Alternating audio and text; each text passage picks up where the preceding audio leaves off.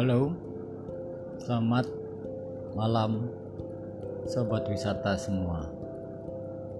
Perkenalkan saya Priyadi Wibisono dengan background di dunia pariwisata sejak tahun 1990 sampai saat ini. Jadi saya ingin menceritakan pengalaman atau pendapat saya mengenai dunia pariwisata Indonesia. Yang perkembangannya mungkin dari tahun 90 sampai 2000 saat ini 2000-an itu sangat pesat sekali. Apalagi dengan adanya teknologi-teknologi uh, dari online ya baik uh, sosial media aplikasi dan lain sebagainya. Jadi dalam kesempatan ini saya ingin apa menyampaikan eh, ya semacam pemikiran saya mengenai eh, pariwisata Indonesia, seluk beluk atau apa ya eh, ya analisa saya lah sejak mulai saya bergelut setelah lulus dari sekolah pariwisata di Bandung saya mulai terjun tahun 90 ke industri pariwisata. Mungkin saya bisa sampaikan uh, saya ambil dari uh, satu dasar misalnya uh, istilah atau konsep 4W 1H gitu kan. What when why where dan how. Nah, jadi misalnya what itu apa sih sebenarnya pariwisata itu? Apakah itu memang sudah ada sejak dulu atau memang itu hanya dampak daripada eh, satu kegiatan yang dilakukan oleh eh, manusia? Dalam definisi yang saya tahu bahwa pariwisata itu adalah satu kegiatan perorangan atau sekelompok melakukan perjalanan ya kan dari satu titik menuju satu titik berikutnya eh, di mana ya pada saat perjalanan itu bisa berhenti sebentar atau eh, melihat pemandangan istirahat makan dan lain sebagainya. Nah ini bisa dilihat mungkin dengan sekarang teknologi canggih kita bisa googling lah bahwa sejarah pariwisata dari zaman dulu sampai sekarang ini mungkin sudah sudah ada sudah sudah sudah dilakukan gitu oleh manusia-manusia itu sejak zaman kerajaan mungkin atau zaman kerajaan atau sampai sekarang ini. Nah, mungkin belum menjadi industri seperti sekarang ya industri besar yang mungkin disebutnya smokeless industry. Jadi misalnya ya industri tidak berasap lah kalau dibandingkan dengan industri-industri misalnya seperti pertambangan dan lain sebagainya. Jadi eh, apa sih produk-produknya pariwisata itu juga nanti akan coba saya ceritakan atau saya sampaikan. Kemudian yang terkait dengan pariwisata jadi komponen-komponen apa. Nah contoh misalnya produknya kan misalnya kita bikin paket wisata gitu kan baik yang sehari dua hari tiga hari empat hari dan sebagainya. Kemudian komponen yang terkait di situ. Otomatis transportasi darat laut udara ya kan. Mobil kereta api kapal laut misalnya perahu karet atau sampan beca atau dokar itu juga bagian daripada transportasi yang terkait dalam pariwisata. Bahkan mungkin jalan kaki pun juga bisa kemudian apalagi penginapan akomodasi ya kan? Dulu mungkin hotel tidak terlalu banyak jenisnya hanya penginapan saja losmen atau hotel bintang tiga. Tapi itu bisa sekarang berkembang. Ada villa ada homestay ada pondok ada guest house ya kan? Bahkan rumah penduduk pun atau kita tenda juga bisa menjadi akomodasi eh, para wisatawan ini gitu kan. selanjutnya apa? Makanan otomatis kita pasti perlu makan dalam uh, perjalanan. Nah makanan ini apakah makanan yang kita bawa sendiri atau makanan yang memang kita uh, beli di satu tempat tersebut ya kan? Ada yang otentik ada makanan uh, buatan lokal bahan-bahan lokal ini banyak yang kita jadi bahas. Nah, otomatis mungkin dari di situ, di situ adalah bahwa pariwisata ini mungkin dampak kali ya.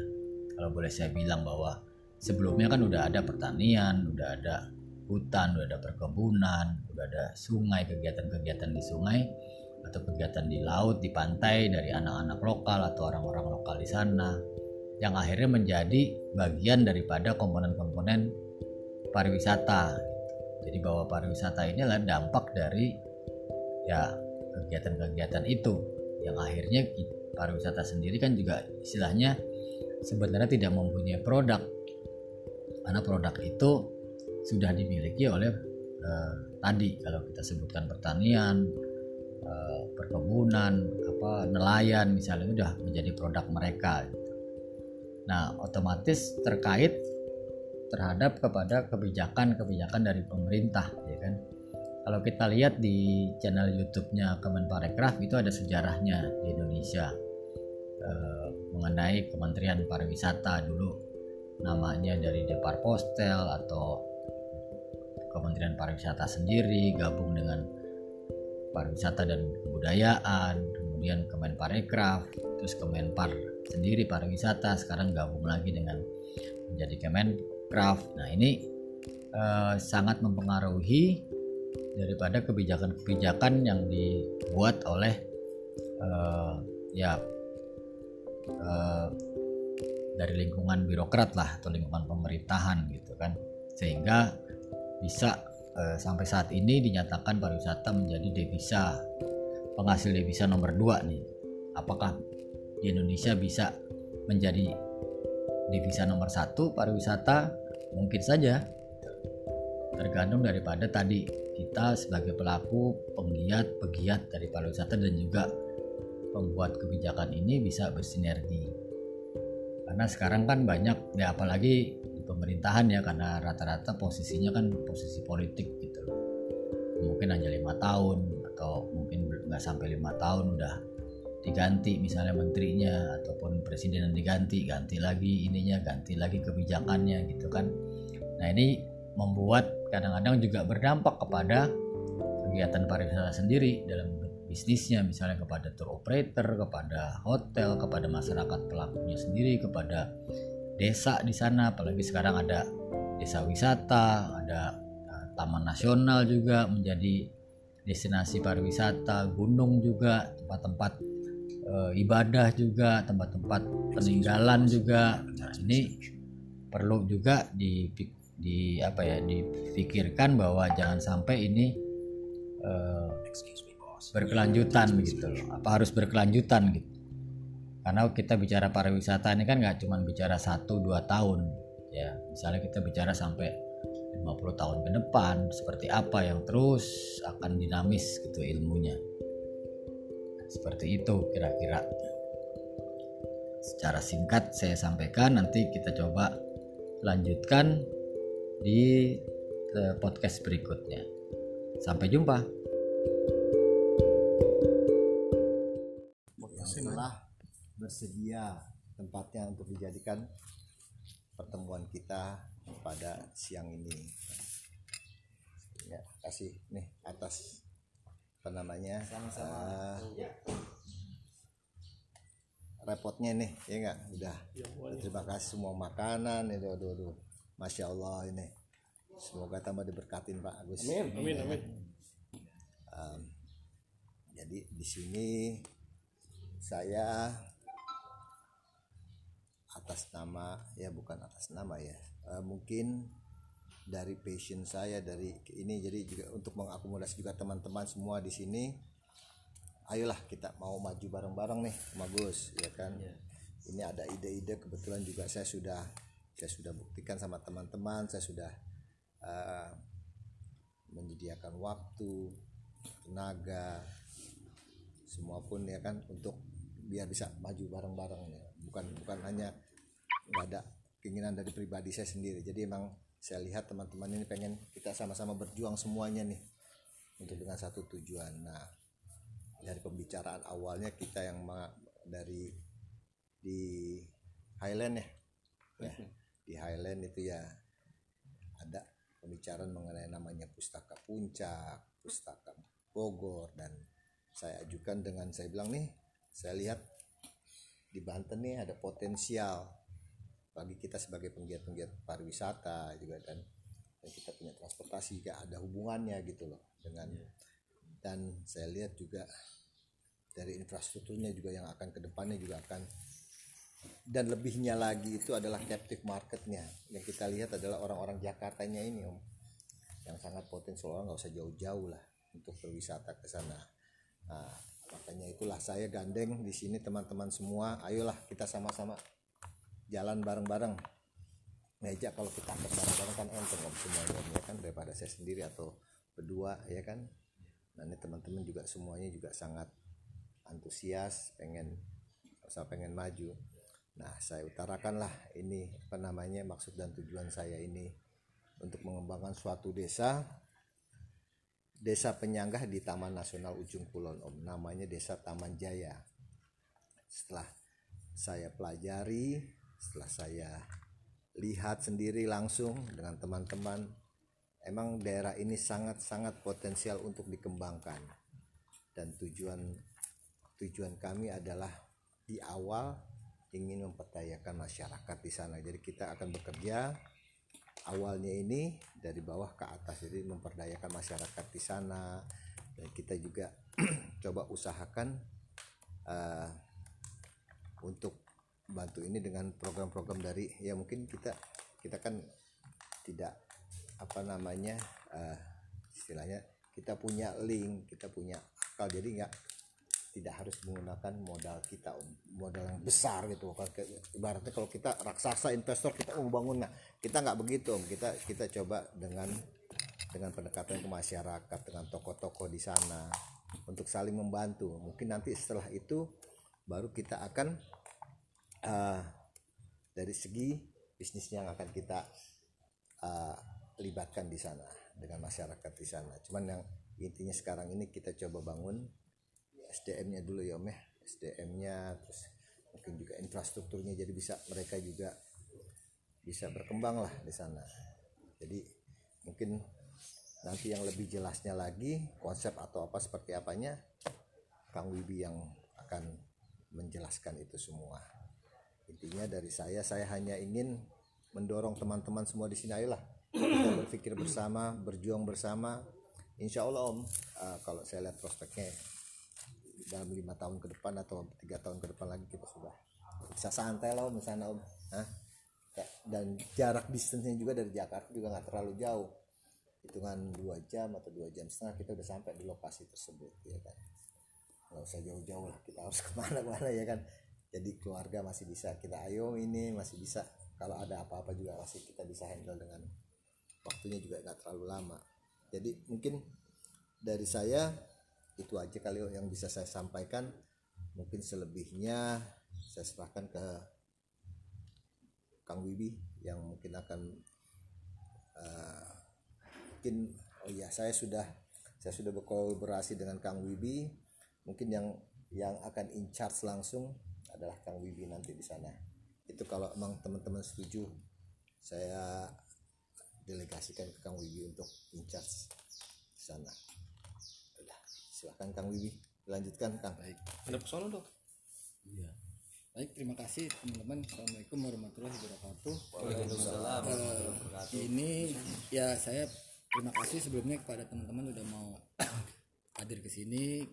Nah, aku sudah menyediakan tempat menyediakan semuanya di sini. Jadi uh, tadi seperti disampaikan sama Om Novel saya terima kasih juga kepada Om Novel sudah di ya secara tanda kutip sudah ditunjuk atau diminta untuk membantu mudah-mudahan bisa terrealisasi kok apa ide-idenya Om Novel ingin mengembangkan satu destinasi di sekitar Taman Nasional Ujung Kulon.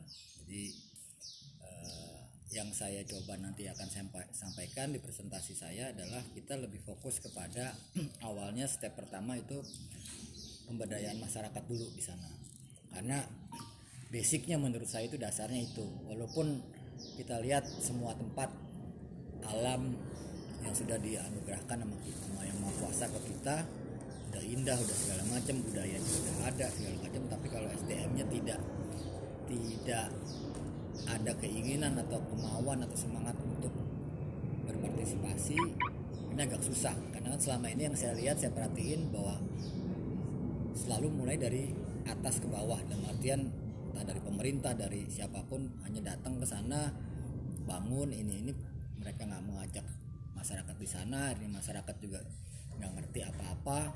Terus ya udah jadi begitu aja masyarakat cuma jadi penonton. Nah kita kayak pengen ini dibalik. Walaupun sekarang juga pemerintah udah melakukan itu seperti yang disampaikan dari Kemenparekraf mulai dari bottom ke atas bottom top gitu kan. Kita korek mau apa, apa apa maunya masyarakat di sana seperti apa khususnya untuk ke pariwisata. Jadi eh, ini yang coba saya nanti sampaikan di, di presentasi saya. Intinya tahap awal ini kita pemberdayaan masyarakat. Dan ini pasti perlu waktu ya kan? Masalah dengan SDM ini pasti perlu waktu. Jadi pasti konsepnya secara standar ya ada ada jangka pendek menengah dan panjang Mungkin bisa langsung aja ya saya ini kan. Eh, jadi ini saya sebut yang intinya adalah community capacity building program. Eh, ini bagian dari ya tadi yang ah kita mau agar yang Om Novel sampaikan eh, bahwa awalnya di Highland ya kan udah mas sama, nggak apa-apa nggak gerak sama Kang Ade sama tim Highland Kang Erik apa mengenai masalah pustaka. Nah mungkin kalau puncak udah jalan ya kan kita udah bicara segala macam dengan segala rintangan yang ada. Nah, Om Novel diem-diem ternyata menampung ini semua dan dia menunjukkan bahwa oke saya ambil Banten nih gitu. Jadi ya udah kita coba. Sampaikan ini be- walaupun belum fix ya jadi makanya saya coba oh, kalau tadi ada Kang Adi di sini kan karena nama pustaka ini kan berawal dari dari nama beliau ide beliau kan jadi kita minta izin dulu segala macam terus nanti mengenai kita bicara detailnya mengenai logo segala macam fontnya atau apa itu kan nanti apakah Kang Adi dan tim punya kriteria tertentu. Nah sementara yang saya cantumkan seperti itu yang kemarin disampaikan nama Om Novel Pusaka Banten. Nah terus kita perlu wadah pasti kan. Wadah ini legalitas saya kemarin usulin lebih baik kita bentuk yayasan. Karena kita bicara ini bukan pure 100% bisnis. Ini kita bilang socio entrepreneur lah sosial bisnisnya. Jadi ada sosial ada ini. Jadi semi semi idealis lah bukan bisnis bisnis campur yang kita hitung hitungan langsung untung rugi segala macam. Ada kebentuk lah eh bukan kebentuk. Ya disetujui sama Om Novel yayasan. Cuman namanya juga belum ada karena tadi di jalan Om Novel nyebutin nama Yayasan Pustaka Indonesia. Nah kembali lagi kan kita bawa nama pustaka ini mesti ada ibaratnya izin dari dari Kang Ade. Nah saya coba kemarin saya buat di rumah saya bikinlah nama yayasan ini hakikat hijau lestari ini tujuannya tidak hanya untuk bicara di Banten. Jadi kita lebih luas nggak cuma pemberdayaan masyarakat nantinya apa pun gitu kita bicara lingkungan kita bicara pendidikan. apa segala macam jadi lebih luas. Kenapa hijau lestari? Ya karena kita kan pasti seneng yang hijau-hijau lah berawal bibit apa segala macam hijau tumbuhan hijau lestari ya pasti udah udah, udah tahu semua untuk lebih alam apa lebih eh, abadi lah lebih lestari nah ini di sini saya sampaikan judulnya Community Capacity Building Program for Sustainable Development untuk tujuannya kepada sustainable tourism. Nah, sustainable development ini lebih lebih besar apa payung besarnya. Nah, kira-kira 3 sampai 6 bulan ada satu pelatihan eh, pendek kepada local champion untuk mengangkat tadi upskill dan upgrade dan memotivasi poten- potensial dan semangat dari untuk ke arah green tourism. Jadi green tourism itu ya tadi wisata hijau, wisata ramah, wisata segala macam. ekowisata Nah, itu turunannya. Kemudian tourism adalah dari dampak ya kan side effect daripada local basic acti- activities bahwa sebelum ada tourism udah ada yang namanya nelayan, udah ada yang namanya petani, udah ada yang namanya pedagang, ya kan, udah ada yang namanya ibu rumah tangga atau apa pun tidak ada kegiatan-kegiatan itu. Nah akhirnya terjadilah proses perjalanan ketemu ini misalnya contoh kita dari sini mau ke puncak dulu belum ada wisata akhirnya mampir di kebun teh ngeliat pemandangan lama-lama eh bisa jadi paket bisa jadi ini ya terus berdampak. Jadi kita memberikan masukan atau pandangan kepada masyarakat lokal nantinya bahwa tidak perlu harus merubah profesi gitu. Yang petani ya petani aja nggak apa-apa. Yang nelayan nelayan. Cuman dari masing-masing mereka ini diolah atau di up, di, di upgrade di upskill ilmu-ilmu mereka gitu loh. Jadi misalnya ada mungkin pertanian organik ada nelayan apa perikanan apa pembudidaya apa itu kan bisa jadi materi-materi pariwisata. Kemudian pariwisata mempunyai satu dampak yang sangat besar. Domino efeknya multiplier efeknya kepada circular ekonomi untuk local community. Jadi semua aspek yang ada di luar ini bisa masuk ke dalam lingkarannya pariwisata. Apa pun itu mau kita bicara politik ekonomi apa segala macam itu bisa masuk ke dalam pariwisata. Terus tourism bisa dijadikan metode secara besar eh, skema besar dari tadi. Kehidupan aspek eh, kehidupan besar kehidupan kita lah. Bahwa kehidupan kita ini ada di uh, bisa diinginkan pariwisata. Seluruh sumber daya manusia dapat dikembangkan melalui turisme komponen atau stakeholder. Berikutnya nah saya sebut kenapa ini bicara makan. Ya ujung-ujungnya kita akan pasti untuk isi perut nih gitu ya kan dengan kita bekerja dengan segala macam isi perut untuk kita keluarga dan semuanya. Makanya betapa pang apa pangan adalah simbol dari kedaulatan. Kalau kita kenyang kita makmur kita ini kan kita potensi kita ada semua kita nggak perlu uh, repot-repot ibaratnya dan tanda kutip import atau apa kita manfaatin lokal wisdom yang ada. Segala yang masuk ke dalam badan harus balik lagi ke badan dan bermanfaat. Boleh mengambil apa pun dari alam asal sesuai haknya. Jangan berlebih ada hal Allah yang akan dipenuhi di sana. Yakni keseimbangan. Namun jika berlebih maka namanya mencuri menzolimi hak Allah dan mengambil lebih dari haknya. Itu kata-kata yang saya sadur dari salah satu tokoh permaculture mualaf itu Bapak eh, Iskandar Woworuntu yang sekarang punya resto Bumi Langit. Itu bisa lihat di di sosmednya atau di YouTube dan segala macam. Ini konsepnya ini permaculture. Jadi kita tanam semua nggak ada yang tersisa. Even sampah pun kita bisa olah. Misalnya contoh misalnya kotoran sapi kita bisa jadi pupuk kita bisa bikin biogas jadi bisa bisa bisa terus terpakai.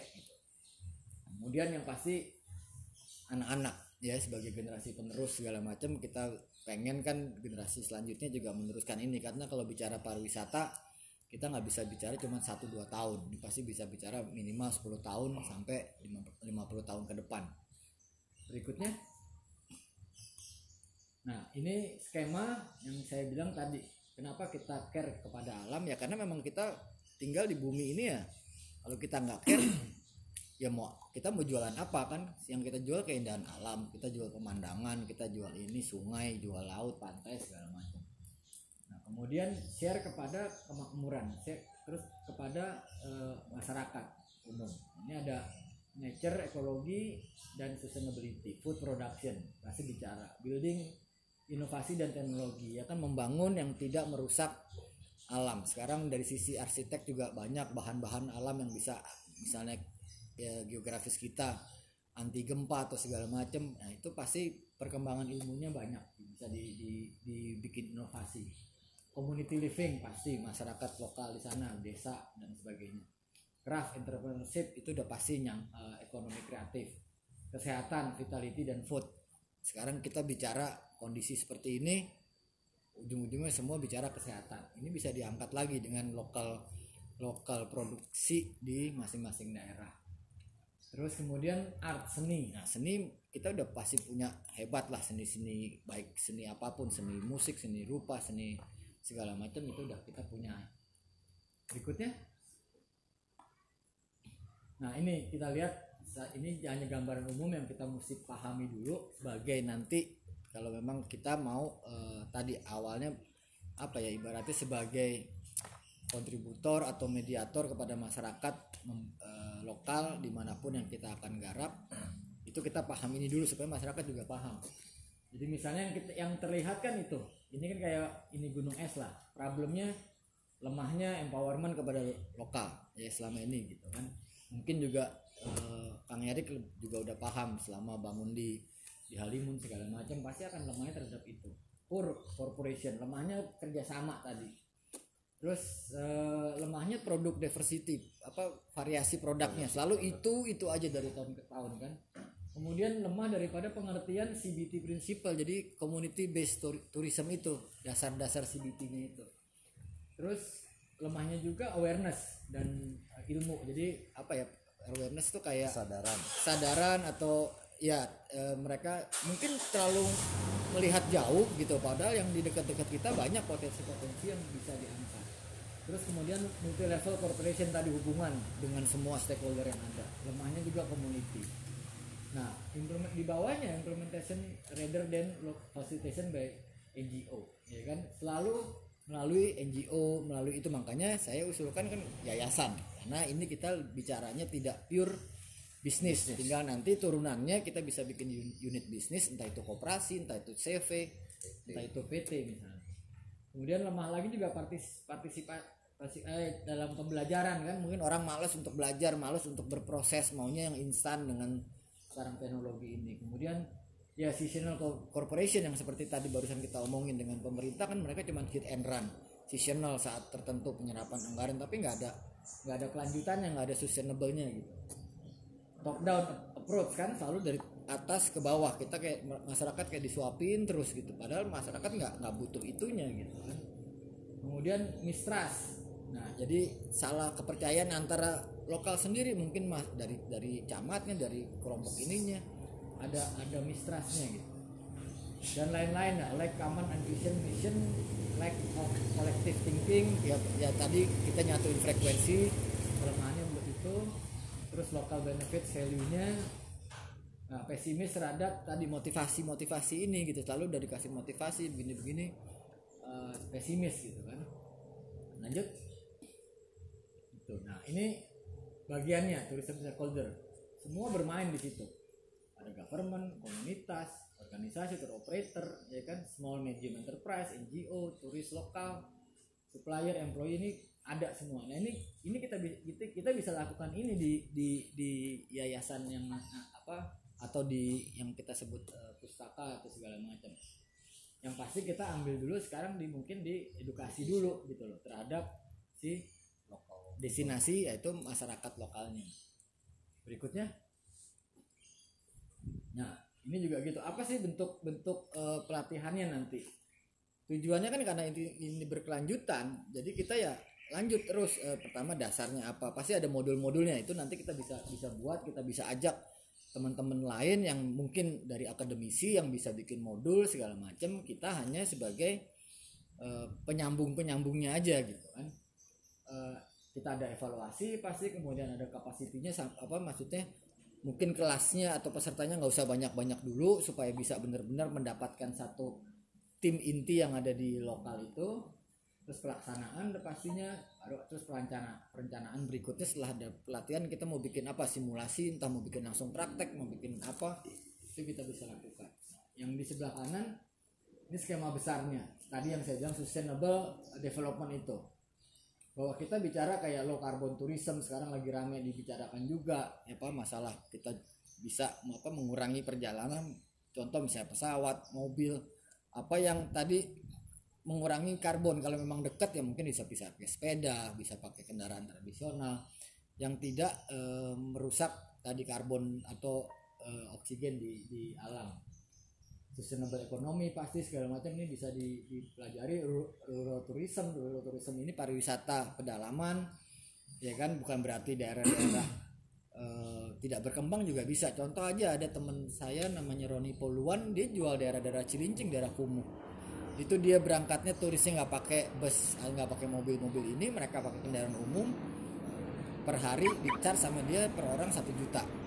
Nah ini kan yang ikut nggak banyak cuman sama dia 4 sama cuma 6 orang. Berarti dia sehari bisa dapat 6 juta. 6 juta kalau kita breakdown costnya berapa sih ketahuan naik orang naik metro mini naik itu kok 5 udah dapet, tapi dia juga memberikan kepada komunitas di sana di Cilincing itu ya ada supportnya gitu loh. Entah dia bikin kas entah dia bikin apa segala macam kayak gitu gitu jadi itu yang disebut sustainable. Jadi mereka tidak hanya dijadikan objek datang ditinggal udah besok di sana dia mau belangsak bukan urusan kita kita cari destinasi baru lagi. Itu nggak begitu. Itu nggak nggak nggak sustainable namanya. Nah ini eh, apa skema besar dari sustainable development baru turunannya kepada sustainable tourism itu adalah budaya masyarakat lingkungan ekonomi. Kan gitu. lanjut. Nah pasti kita analisa kalau udah bicara tingkat tingginya lagi ilmu manajemen ada SWOT-nya kan ini saya ambil contoh SWOT dari salah satu destinasi di India apa di Asia itu di Sri Lanka. Nanti ke depan apa di terakhir bisa kita lihat. Mirip-mirip lah secara umum hampir sama. Bahwa kita kekuatan kita kita punya attractive place ya kan? Comfortable weather condition ya kan? Kita cuma punya dua musim. Terus existing turis marketnya udah jelas. Ada domestik ada mancanegara.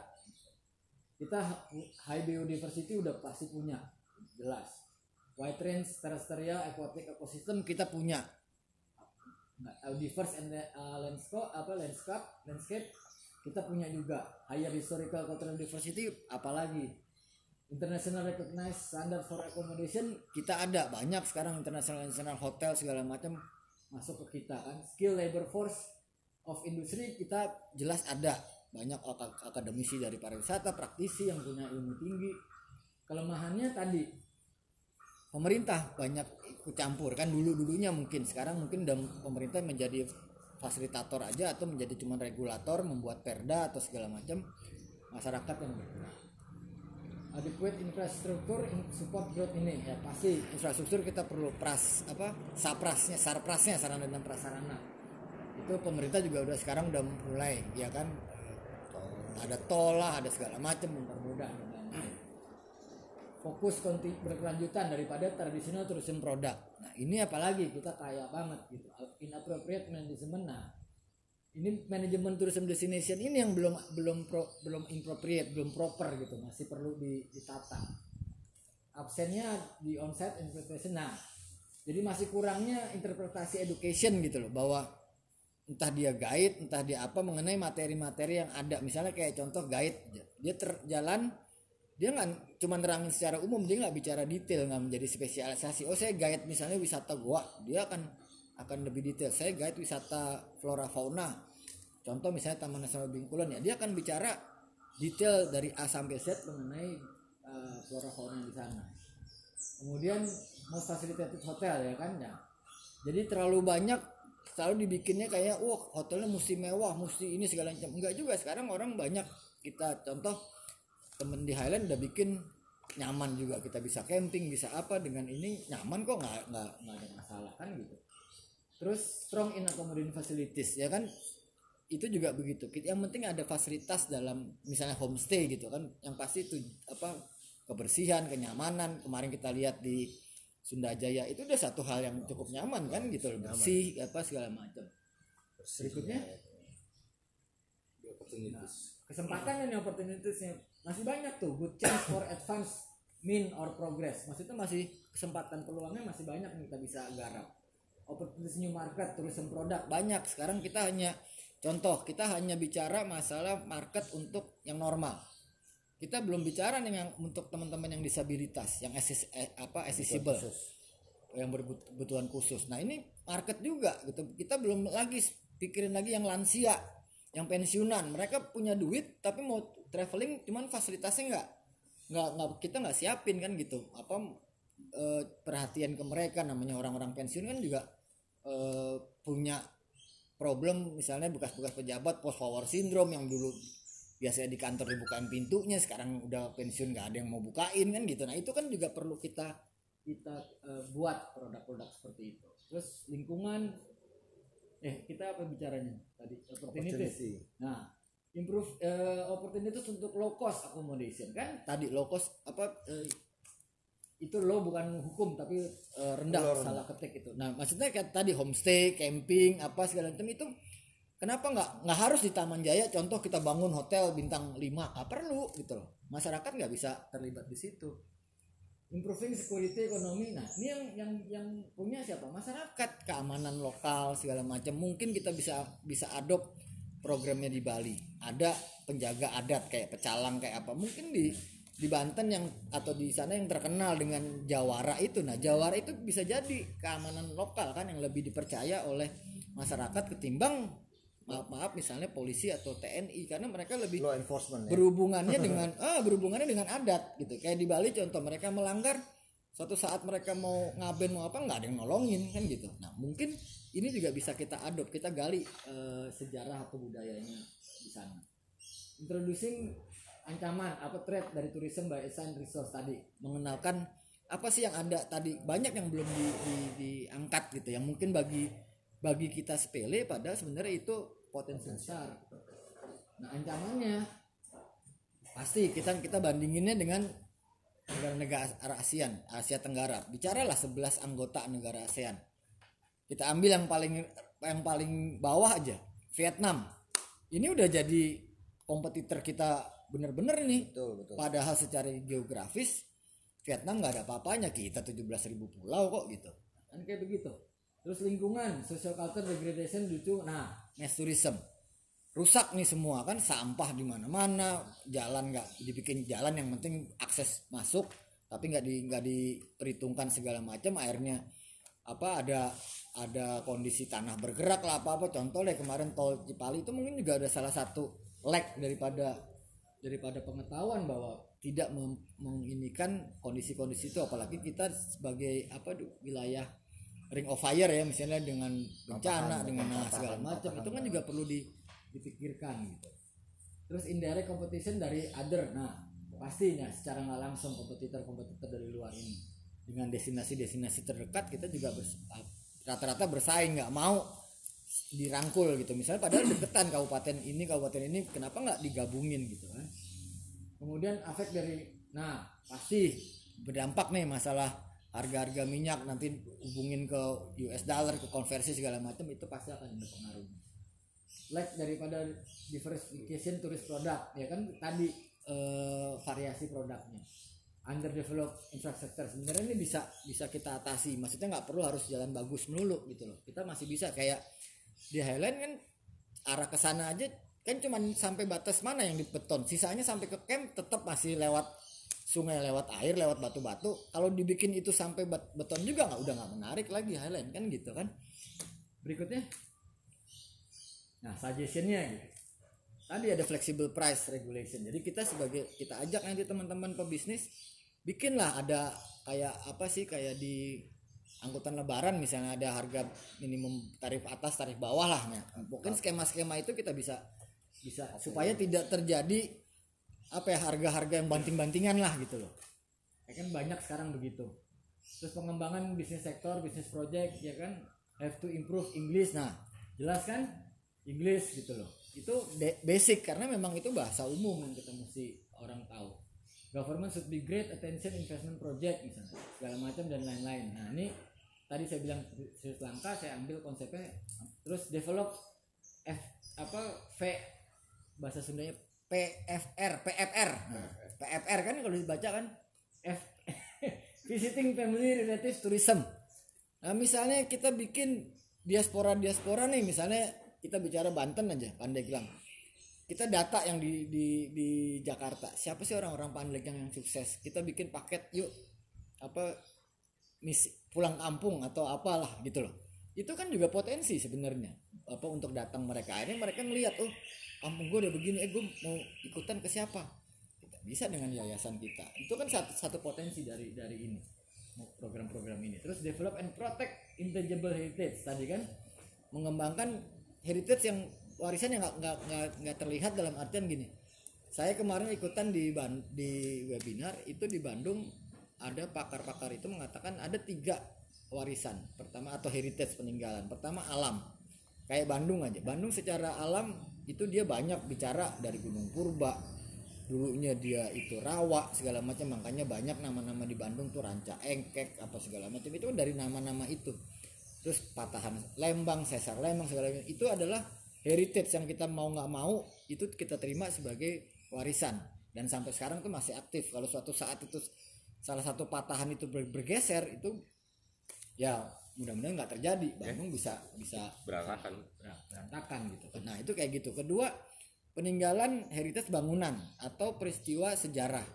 Contoh kita bicara Bandung lagi misalnya eh, apa eh, ya bangunan kolonial apa segala macam. Sejarah konferensi Asia Afrika gitu. nah kalau kita ngomong Banten kita cari apa di situ yang ya heritage-nya. Bangunannya apa? Benteng misalnya atau apa di daerah Taman Nasional atau sekitar nah, sekitar Pandeglang. Kalau kita bicara ini Kabupaten Pandeglang mas karena Taman Nasional Jugulon di, di Pandeglang kita cari di situ potensinya apa. Terus kedua eh yang ketiga heritage adalah ethno heritage itu adalah makanan dan kesenian. Makanan otentiknya di sana tuh apa? Gitu loh. Jangan yang kita tampilkan di sana ya makanan-makanan Kentucky Fried Chicken kayak gitu-gitu gitu loh. Tapi kita angkat di situ dengan nanti tata penyajiannya yang menarik misalnya gitu. Itu contohnya seperti itu. Government should protect cultural heritage for future generation. Ya kan? Tadi kalau nyambung ke depan future generation siapa ya? Anak-anak muda anak-anak kita yang cucu-cucu kita mungkin nanti gitu. Contributing toward improvement. Nah image dari ini untuk Sri Lanka. Kalau kita eh, ganti ya untuk Indonesia. Berikutnya nah kita sekarang bicara peta karena nggak mungkin kita bicara ini tanpa data yang ada walaupun data kita mungkin masih min- minim ya karena kemarin kita baru datang sekali dan waktunya pendek Kabupaten Pandeglang itu sangat luas kita kalau bicara Taman Nasional hanya di ujung di sini aja nih gitu kan daerah sumur lah sebenarnya Kecamatan Sumur. Nah, Kecamatan Sumur. Ini saya dengar mau ada pemekaran Cibaliung mau jadi kabupaten. Berarti kalau Cibaliung kabupaten itu termasuk ke arah Sumur. Cibaliung Sumur apa Cimanggu itu bagian itu termasuk eh Cikesik kayaknya enggak ya? Cikesik masuk tuh bos. Masuk Kayaknya juga masuk gitu masuk. kan. Nah, kalau bu- mau jadi pemekaran karena ini juga termasuk luas gitu loh. Untuk satu kabupaten ini terlalu termasuk luas menurut saya. Nah, ini yang kita arahin sumur ke ke sana lah karena Tanjung Kulon eh Ujung Kulon itu masuk ke Kecamatan Sumur. Berikutnya nih ada kabupaten rencananya begini. Jadi ada tiga tuh, ada dipecah nanti. Ada banyak kabupaten Pandeglang Ini dapat dari mana bro? Hah? Info dari mana nih? Ah itu Valid. Terus Kayak berikutnya kemungkinan besar sih iya bro. Nah, ini peta ujung kulon. Saya kemarin eh, melihat potensinya begini. Jadi di sumur di kalau kita bicara ini nggak kelihatan nanti di, di- mungkin di handphone bisa. Ini kan di sini ada Taman Jaya. Nah, di Taman Jaya ini. Iya di bawah tuh. Nah, ini kan. Nah, biasanya orang masuk kan dari sini ke sini selalu pakai laut, eh pakai kapal. Apa? Ini nggak pernah dibicarain nih. Padahal di sini kemarin udah gunung Konje di sini. Kita bisa masuk dari Cikesik kecamatan kalau itu tuh. sumur tuh mana sih? Ini sumur di ujung tuh Nih, sumur kan? Hmm. Bayangan saya ini kan ada pos.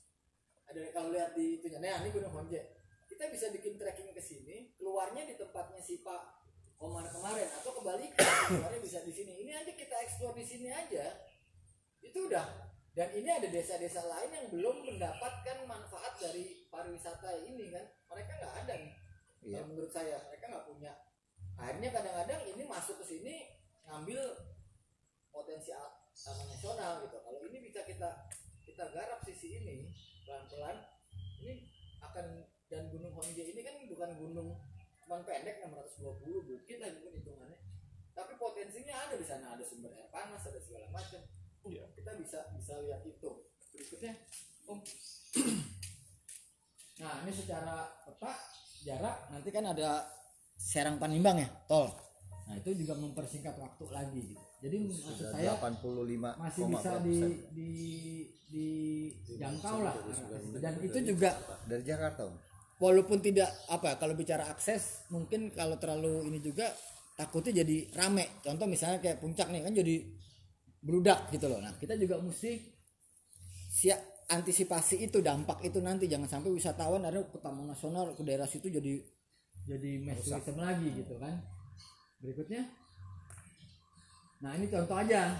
Partnershipnya saya coba bayangin kalau mereka kita bergabung di ad- tadi yayasan itu kita bisa ajak mereka. Contoh Bank Banten Semen Badak Taman Nasional Gunung Kulon udah pasti. Yayasan Badak Indonesia karena dia bicara badak tapi untuk kita bagian pemberdayaan masyarakat pelatihan-pelatihan di pariwisatanya itu mungkin juga bisa WWF Indonesia Bank Indonesia dan lain-lain. Jadi ini sih gambaran saya mudah-mudahan dari dari sekian ini itu bisa support dulu lah. Nanti yang lainnya bisa nyusul gitu. Lanjut. Nah itu. Jadi eh, itulah sekitar sekilas gam, apa apa yang Om Novel ceritakan ke saya, saya coba sampaikan di sini. Jadi intinya kita fokus di pemberdayaan masyarakat dulu gitu. Soal nanti tadi Om Novel cerita mau ada pengembangan budidaya eh, ikan, rumput laut, itu next step. Karena intinya masyarakat dulu nih, mereka semangat nggak? Mereka mas karena kan pasti pengalaman masyarakat juga banyak. Mungkin ada ya yang janji-janjiin, ada yang begini-begini dari zaman dulu-dulu kan ah, lu sama aja kayak yang kemarin-kemarin cuma datang begini-begini janji-janji ternyata ditinggalin. Nah kita coba masuknya pelan-pelan supaya tidak eh, apa ya mereka tidak trauma-trauma itu nggak nggak nggak kena ke kita. Pas banyak lah pasti teman-teman udah banyak ngalamin di daerah itu pas bilang ah lu cuma janji doang ah, lu cuma ini doang kan gitu. Terus sama tokoh-tokoh di sana yang ya tadi bisa satu frekuensi mudah-mudahan. Karena kan kita juga nggak tahu misalnya ada pejabat-pejabat lokal yang tetap dia pengen secara material diambil semuanya gitu kan. Nah kita bilang aja mungkin kita ajak oke okay, kayak Pak Camat misalnya kepala desa Pak selama menjabat kalau Bapak support ini legacy Bapak selama menjabat pasti akan akan bagus. Nanti kalau udah nggak menjabat Bapak udah pensiun anak cucu Bapak akan bangga ya tahun segini bokap gue menjabat camat menjabat kepala desa hasilnya ada ya kan? Ketimbang eh tahun segini bokap gue kakek gue begini tapi korupsi ya misalnya begitu. Nah itu kan kita bisa bikin nanti kita cari mungkin kalau kita nggak jago ngomong-ngomong seperti itu banyak lah teman-teman yang bisa ngomong secara psikologi. Kita ajak sebagai tim tadi pengajar tim apa itu bisa kita kita kita bisa libatkan. Karena yang tadi di presentasi sebelumnya itu yang lemahnya komunikasi secara uh, lugas secara sederhana kita nggak usah pakai istilah yang keren-keren yang sekarang kita pakai. Misalnya wow kita harus sustainable terusan kita cari yang simple aja. art apa sih artinya sustainable? Saya ngambil ininya Om Erik itu adalah saya sebut wisata ramah berkelanjutan. Nggak pakai dan. Karena kalau ramah dan berkelanjutan itu ada dua yang beda. Tapi ramah berkelanjutan.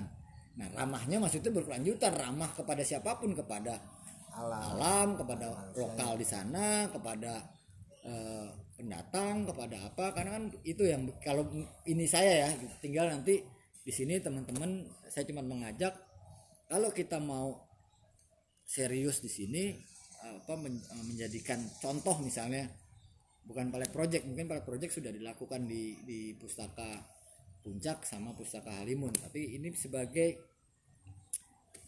eh, ya lanjutan dari dari dari pustaka inilah kalau memang nanti dari sisi Kang Ade akan merestui boleh menggunakan nama uh, pustaka sebagai karena saya lihat ini pasti akan cita-citanya kan sangat bagus gitu kan ada pustaka semua di daerah-daerah segala macam. Tinggal ini bisa jadiin contoh yang kuat nanti bisa diadop gitu loh. Apa konsep-konsep itu bisa diadop sesuai dengan karakter dari masing-masing daerah Nah itu yang yang saya sampaikan saya eh, berikan mudah-mudahan ini masih open silahkan di ditanggapi silahkan kita uh, berdiskusi sebelum nanti rencananya tanggal 20 ini ya mau, dia, mau diajak ke sana lagi ketemu dengan teman-teman yang ada di situ toko-toko lagi. Mudah-mudahan bisa uh, ada angin lampu hijau segala macam. Selanjutnya baru kita sambil paralel uh, Om Novel mau membentuk yayasannya secara legal nanti kita coba bikin kompro yayasannya segala macam. Jadi sambil ini jalan ini juga kita persiapan peluru-pelurunya kita kita siapin gitu. Uh, ya saat uh, saat ini itu dulu yang bisa saya sampaikan. Uh, terima kasih atas waktunya. Assalamualaikum warahmatullahi wabarakatuh. Waalaikumsalam. Luar biasa. Kita mau lanjut atau mau ngerehat dulu? Cut Eh, ya, masih betul ya. Dulu. Kita lanjutkan dulu. Jadi kalau oh, iya, iya. makan dulu yang mau nanya ya. dicatat Nanti tolong dicatat-catat eh, sambil makan. Iya iya iya iya. Cuman catat catatan oh, tadi matanya udah udah udah melirik Iya. Cuman catatannya habis makan jangan ngantuk. Iya jangan. Oke. Terima kasih.